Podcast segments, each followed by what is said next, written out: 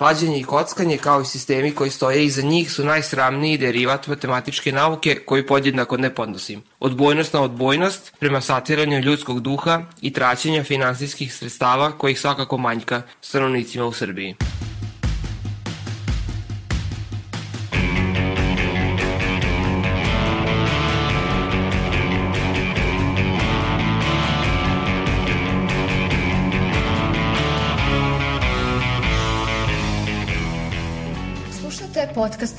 Nezavisnog društva novinara Vojvodine.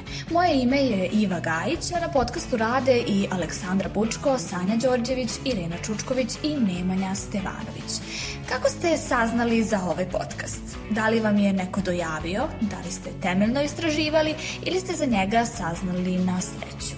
Da li je slušanje podcasta vaš porok ili se njime bavite iz profesionalnih razloga? U 37. epizodi podcasta Reaguj bavimo se kladionicama i kockarnicama, zašto one toliko privlače, naročito mlade, koliko su one opasne i kako se od njih spasiti. Prema izveštaju instituta dr. Milan Jovanović Batud iz 2014. godine, najučestalija aktivnost u pogledu igara na sreću u Srbiji bila je lutrija, koju je pola stanovništva igralo bar jednom u toku svog života, od kojih je trećina to činilo u toku protekle godine. Sportsko klađenje zauzima drugo mesto, a njime se bavilo 17% stanovništva, Za njima slede slod aparati od 5,5%. Dok je lutrija jednako zastupljena aktivnost među polovima i starostnim grupama, Ostali oblici kockanja su učestaliji kod muškog dela populacije. Na primjer, 91,5% onih koji su praktikovali sportsko klađenje u proteklih 12 meseci bili su uglavnom muškarci starosti do 44 godine. Ukupno 3,7% odrasle populacije u Srbiji posjeduje rizik od nekog oblika kockanja. Nakon ekstrapolacije na populaciju u Srbiji starosne dobi od 18 do 64 godine, procenjuje se da problem kockanja varira između 51 i 93 hiljade ljudi, od čega su 14 do 33 hiljade njih patološki kockari. U najvećem riziku od problematičnog kockanja nalaze se stanovnici koji igraju određene kazino igre, oni koji igraju na slot aparatima i oni koji kockaju online putem interneta, približno 50% onih koji su igrali neke od ovih igara tokom proteklih 12 meseci se u nekoj meri nalaze pod rizikom od problematičnog kockanja. Iako sam mislio da osim ankete na ulici, naročito sa mladima u politici i uzimanje izjava nekih državnih institucija, ne postoji teži zadatak. Pronalazak kladioničara, makoliko njih znao, bio je veliki izazov. Uglavnom mi se nisu javljali i odmahivali rukom, pa čak i oni koji su uvek raspoloženi za priču, nisu bili voljni da daju izjavu. Ipak Dragan, privatni preduzetnik, za sebe ne kaže da je klasičan kladioničar, jer se njegov odlazak u kladionicu razlikuje od odlaska većine.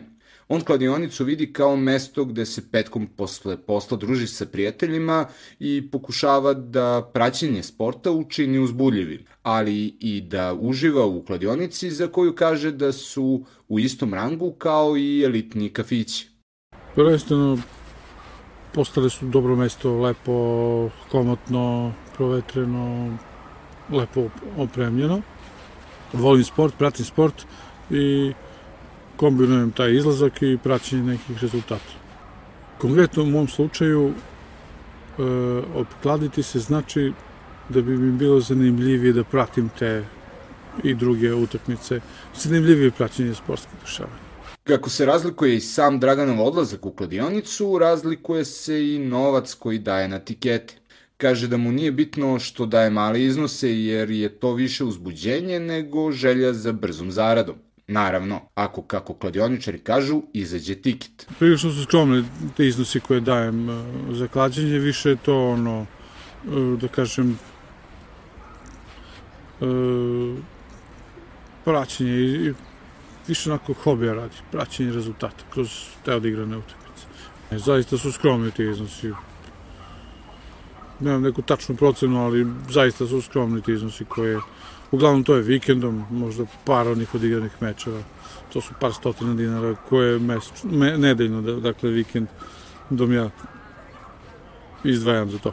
I moram da naglasim da se kladim na moje omiljene klubove. Naš sagovnik ima druge prihode i opet napominje da mu nije cilj da zaradi, već da se relaksira na kraju radne nedelje. Ipak kaže da su priče o tome kako ljudi žive od novca koji dobiju na kladionici klasične lovačke priče. Ja lično poznam ljude koji žive od toga, ali e, slušam često priče da ljudi imaju e, stalnu i dobru zaradu od meča u kladionici. Baš tako, mislim da su to neke lovačke priče. Ovaj, po meni, to je moje mišljenje, sistem je tako e, projektovan da je prosto nemoguće stalno dobijati. To su, da kažem, uslovi na koje pristajemo kad se kladimo daleko, daleko u korist organizatora igara. Dojave koje sudije puštaju koji tim, poznavanje svakog igrača, napada četvrte estonske lige ili neko dublje poznavanje zanimljivih, a manje poznatih činjenica o najbitnijoj spornoj stvari na svetu – nije uslov za odlazak u kladionicu, navodi Dragan. Ipak on ide na sigurno, na ono što zna, a to su evropske ligije i klubovi koje prati. Znam da ima ljudi koji se klade nasumice, ono prvih 10 utakmica pa to nešto iskombinuju.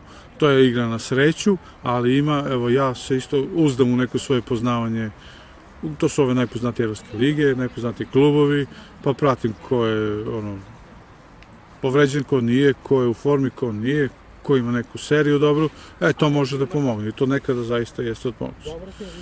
Kada vi znate da je tim u punoj formi, da u punom sastavu, sigurno mu je veća šansa da ostvari rezultat. Dobro. Iako pogotovo osobe koje se bave klađenjem kažu da je za to potrebno dublje analiziranje i praćenje, a to smo donekle mogli da čujemo i od nemanjenog sagovornika, drugačije zaključke o tome da li je klađenje ozbiljan sport imaju naši anketirani. Da li je klađenje nova profesija, smatram u našoj zemlji, pored do velike nezaposlenosti i dosta niskih plata, ljudi na sve načine pokušavaju da dođu do novih načina da osvoje neki novac. Neki ljudi su, možemo reći, profesionalni kladioničari kladioničari, možemo ih vidjeti non stop u kladionicama sede, znaju svaki par igriju lige koje nikad ne bi igrali, na primjer četvrta Singapurska liga ili tako to i veliki su stručnjaci za to, pa možemo reći da je profesija. Od klađenja definitivno može da se živi ukoliko ste vi ti koji držite kladionicu i to ne da možete da živite, već možete da živite mnogo bolje nego što zapravo treba i mnogo bolje od velike većine svojih sunarodnika. A, verovatno postoje ljudi koji se time bave i neka im je na zdravlje, ali ih to ne čini manje prevarantima ili zilebovićima od firmi koje uzimaju novac na ivčinama. Sigurica? Ne bih rekao. Sigurica, samo razonoda, analiza utakmica, igra na sreću, još jedan tiket.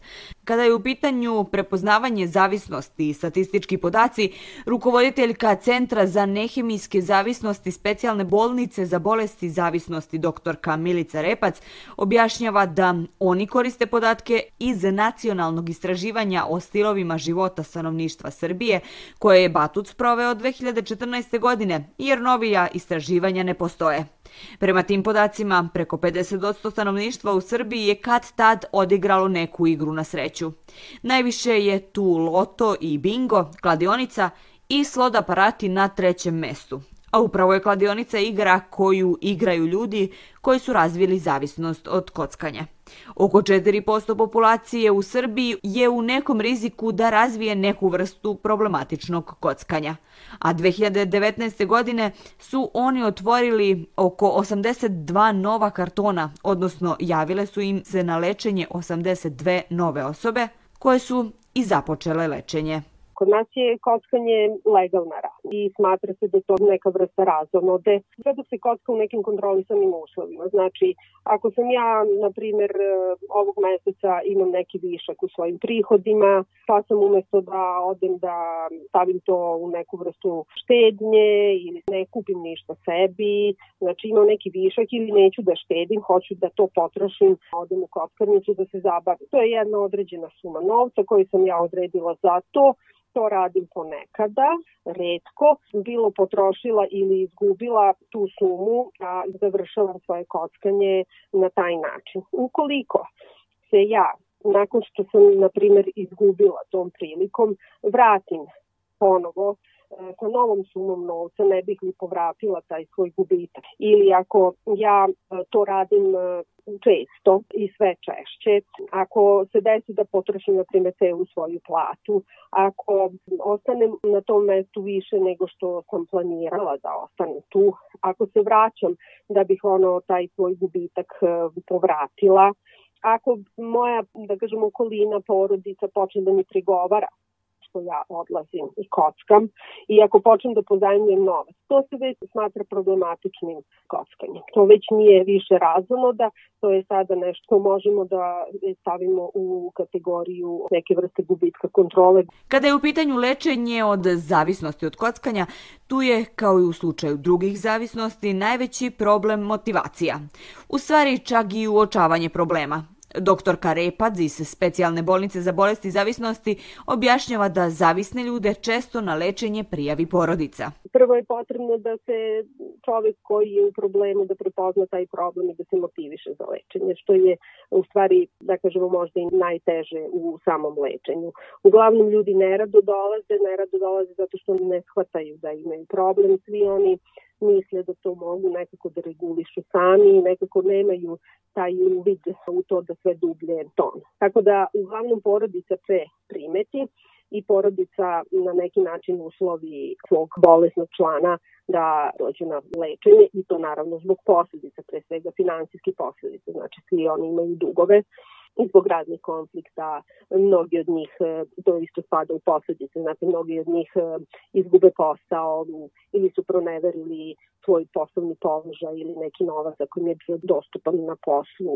I probamo da im ukažemo na taj neki potpuno drugačiji način razmišljanja koji oni su razbili tokom razvoja bolesti u odnosu e, na ono što je na način na koji su razmišljali možda o istim tim stvarima pre razvoja bolesti. Psihološkinja Nataša Oparnica Vračar kaže da su porodice zavisnika te koje najpre primete problem, ali i često budu najveća podrška u borbi sa bolešću zavisnosti. Objašnjava gde se može potražiti besplatna psihološka pomoć prilikom suočavanja sa ovim problemom, ali i naglašava da lečenje zavisi od slučaja do slučaja. Sve to zavisi od stepena zavisnosti. Neko uspe ko nije razvio neku veliku zavisnost i negde sam sam da se iskontroliše. Problem je što često oni koji su zavisni nisu toliko svesni svog problema i obično pomoć traže e, supruge, majke.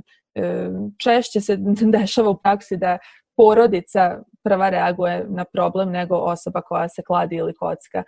Mm, to je jedno. E, može, postoji u sklopu klinike za bolesti zavisnosti, konkretno kad pričamo o Novom Sadu, u, na klinici za psihijatriju, na odeljenju za bolesti zavisnosti postoje grupe za odvikavanje od kockanja, tako da je to jedno mesto gde se to, to su grupe podrške, tu niko ne ostaje, ne boravi, već to bude recimo jednom nedeljno neki susreti i to je besplatno.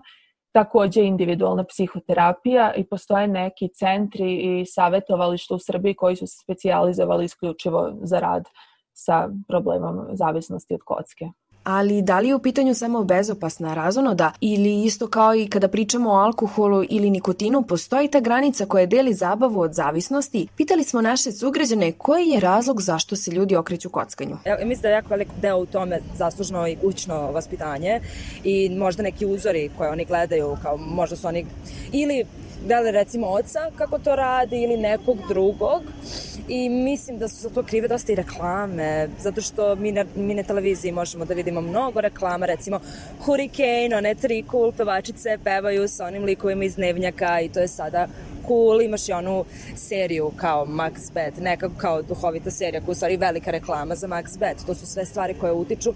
Takođe, društvo je veliki faktor, može neko da nema veze nikakve sa kladionicom, da u, u kući nije bilo ništa sa kladionicama, ali eto, sada društvo ide u kladionice, veliki odmor je, to je kod nas bilo u srednjoj školi jako često, za veliki odmor dečaci idu u kladionice. I sad nećeš ti biti onaj dečak, ma neće, ja idem u kladionicu, to je loš. Naravno, otićeš, igraćeš i ti rulet, uradit ćeš taj tiket ili šta već ne. Prema istraživanju o zdravstvenom ponašanju dece školskog uzrasta za 2018. godinu Instituta za javno zdravlje dr. Milan Jovanović Batut, tokom života kockalo se trećina učenika prvog razreda srednjih škola, od kojih se nešto manje njih kockalo u prethodnih godinu godinu dana. Većina su bili dečaci. Mladima kladionica može da predstavlja način kako da dođu do džeparca, ali i vid druženja i rekreacije.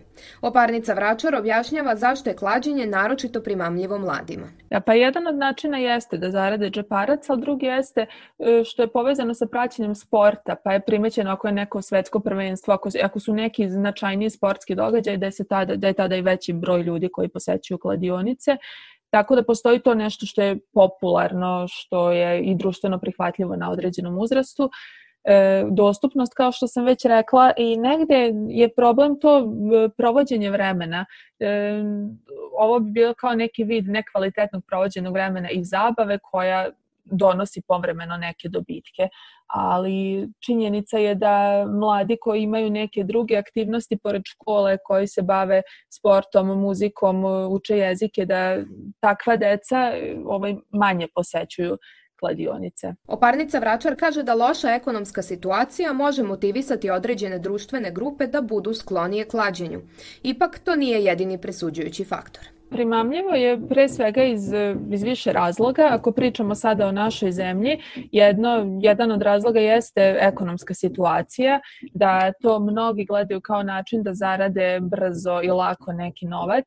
E sad, druga stvar jeste što samim tim to prati i količina kockarnica i kladionica kojima smo okruženi. Tako da mi smo jedno vreme, sad nisam sigurna da li su ti podaci tačni, ali smo bili druga zemlja u Evropi iza Bosne po broju kladionica, kockarnica po glavi stanovnika. Sad ne mogu da garantujem da je taj podatak i dalje važeći, ali to govori da smo mi ovde generalno na Balkanu poprilično što se toga tiče u lošoj poziciji. Dostupno je i društveno je i prihvatljivo na neki način što pravi problem naročito kod mladih koji nemaju tu svest o opasnosti. Naša sagovornica predlaže rešenja kako da mladi kvalitetnije provode slobodno vreme.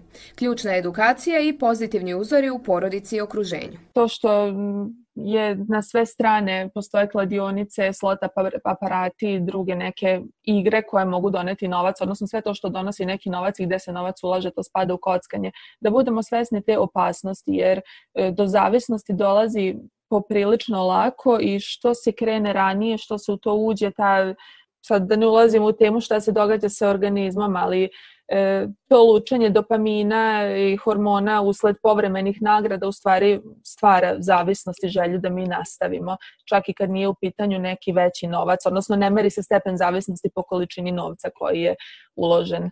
A ono što mi možemo znači da informišemo mlade, decu, da ako smo roditelji da budemo uključeni, da pratimo, da sami ne dajemo neke loše primere, to je jedno. Drugo je da vidimo na koji način u stvari slobodno vreme može da se provodi, kada se to deca kockaju, da budemo upućeni šta rade za računarom, jer je tu, posebno sada kada je bila korona, kockarnice nisu radile, ali online klađenje je procvetalo, mislim dok je bio karantin.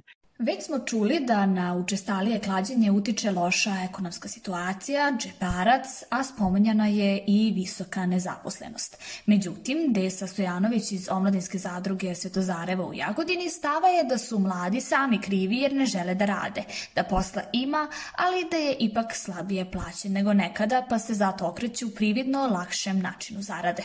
Vrednosti se poremetile u smislu da sad nije prave vrednosti nekako gube svoje mesto, padaju nekako, ali vrednost, mislim, sad što pre do novca, na što lakši način, nebitno na koji, i onda im je verovatno misle da se više zarađuje lakše, jer radeći ovde 37 godina u zadruzi, a nije su deca delila i obaveze i odgovornost i i neke norme i vrednosti su bile prave, pa kad ih mi pozovemo, jel hoćeš da ideš da istovaruješ cement ili džubre, veštačku ili šta god ima, oni jedno dočekaju, to im je džeparac.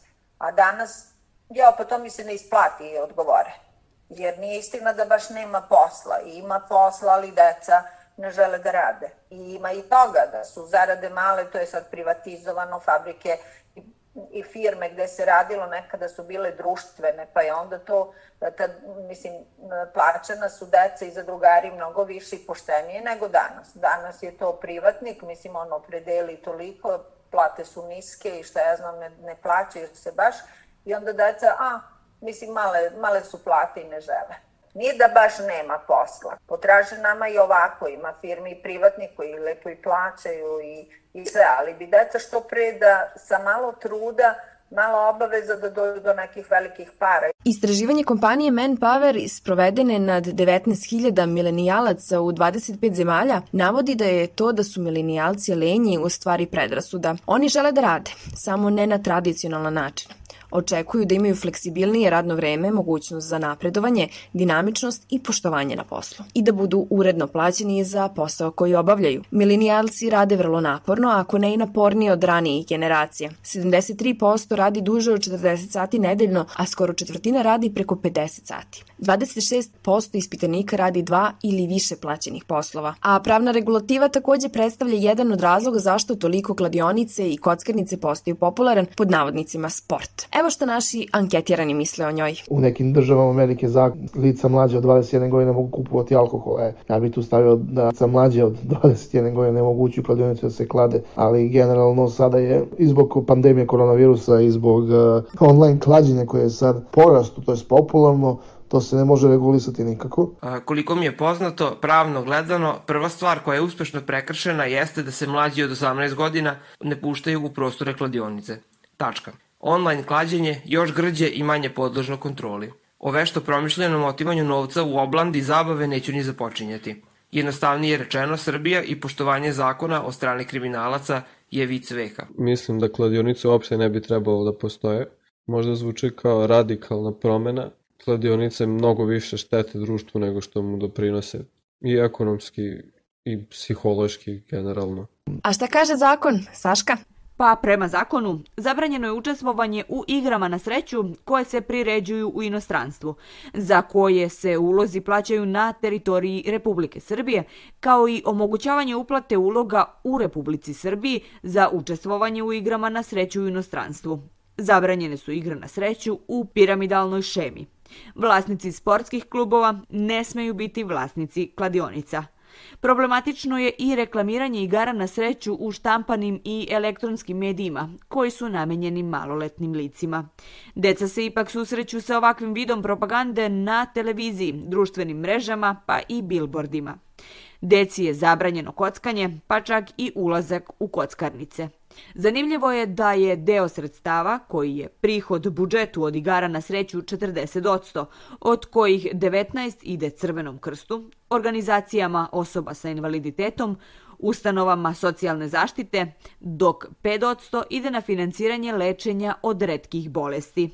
A kako je u regionu? Hrvatska je nedavno postala članica Evropske unije. Irena, kako je u Komšiluku? Čini se da je u Hrvatskoj slična situacija kao i u Srbiji kada je reč o zavisnosti od kockanja. Početkom ove godine portal Slobodna Dalmacija preneo je da je prema podacima Hrvatskog ministarstva financija od 1. januara do kraja novembra 2019. godine u sportskim kladionicama uplaćeno više od 5 milijardi kuna, odnosno više od 60 miliona evra u proseku svakog meseca. U istom spomenutom razdoblju kladioničarima je pak isplaćeno oko 4 milijarde kuna, dakle milijardu kuna manje od iznosa koji je uplaćen kladionicama. Slobodna Dalmacija podsjeća i na korist koju država ima od ovog unosnog biznisa. Naknada u iznosu od 5% zaračunava se za svaku uplatu u kladionici. Za spomenuto razdoblje od januara do novembra 2019. godine priređivači igara klađenja uplatili su 252 miliona kuna u korist državnog proračuna, odnosno oko 33 miliona evra. Inače, kladionice u Hrvatskoj otvorene su 2001. godine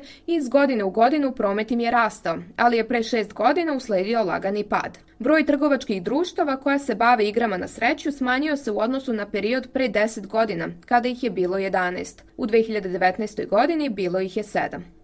Ipak procenjuje se da je broj onih koji se klade veći od onog koji prikazuje zvanična statistika, imajući u vidu popularnost online klađenja u stranim kladionicama koje nemaju dozvolu za rad u Hrvatskoj. Država nema način prikupiti porez od ovih kladionica, a Hrvatsko ministarstvo financija sredinom prošle godine odlučilo je zabraniti rad 14 inostranih kladionica koje su se bavile internetskim klađenjem. Sa druge strane, kada je reč o korisnicima, kockanje se smatra jednom od najučestalijih bolesti zavisnosti zavisnosti u Hrvatskoj. Procenjuje se da čak 9% odraslih ima neku vrstu problema povezanih sa kockanjem, a ima i sve više onih u maloletničkoj populaciji koji se bore sa ovim problemom. Kada je reč o lečenju, za sada je dnevna bolnica za ovisnost o kockanju pri Zagrebačkoj psihijatrijskoj bolnici Sveti Ivan još uvek jedina u Hrvatskoj sa strukturiranim programom za isključivo tu vrstu ovisnika, te kod njih dolaze ljudi iz cele Hrvatske. Ono što dodatno otežava proces lečenja jesu dostupnost i rasprostranjenost kladionica u gradovima Hrvatske.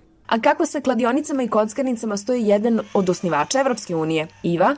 Kladionice u Belgiji mogu biti fiksne, to je sa stalnim mestom održavanja, ili mobilne, odnosno privremene kladionice koje rade u toku određenog sportskog događaja.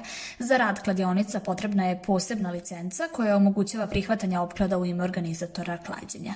Broj fiksnih kladionica ograničen je na 600, a mobilnih kladionica na 60. Osim toga, udaljenost između svake kladionice koja je otvorena nakon 1. januara 2011. mora biti 1000 metara, Međutim, ovo pravilo se ne odnosi na kladionice koje su radile pre tog datuma i koje nikada nisu prestale sa radom od tada.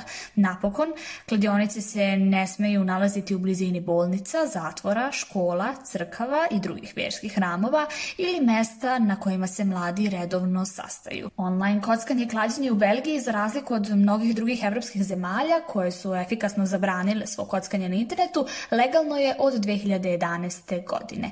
Da bi kompanija mogla da pruži usluge online kockanja i klađenja, ona takođe mora da posjeduje licencu za fizičko obavljanje ove delatnosti. Džeparac, sreća, analiza, nezaposlenost, lenjost, zavisnost su neki od termina za koje možemo da kažemo da su light motiv ovog 37. izdanja serijala Reagu i podcasta Nezavisnog društva novinara Vojvodine, u ko smo govorili o kockanju i klađenju i koliko je ono problematično kod mladih i u Srbiji.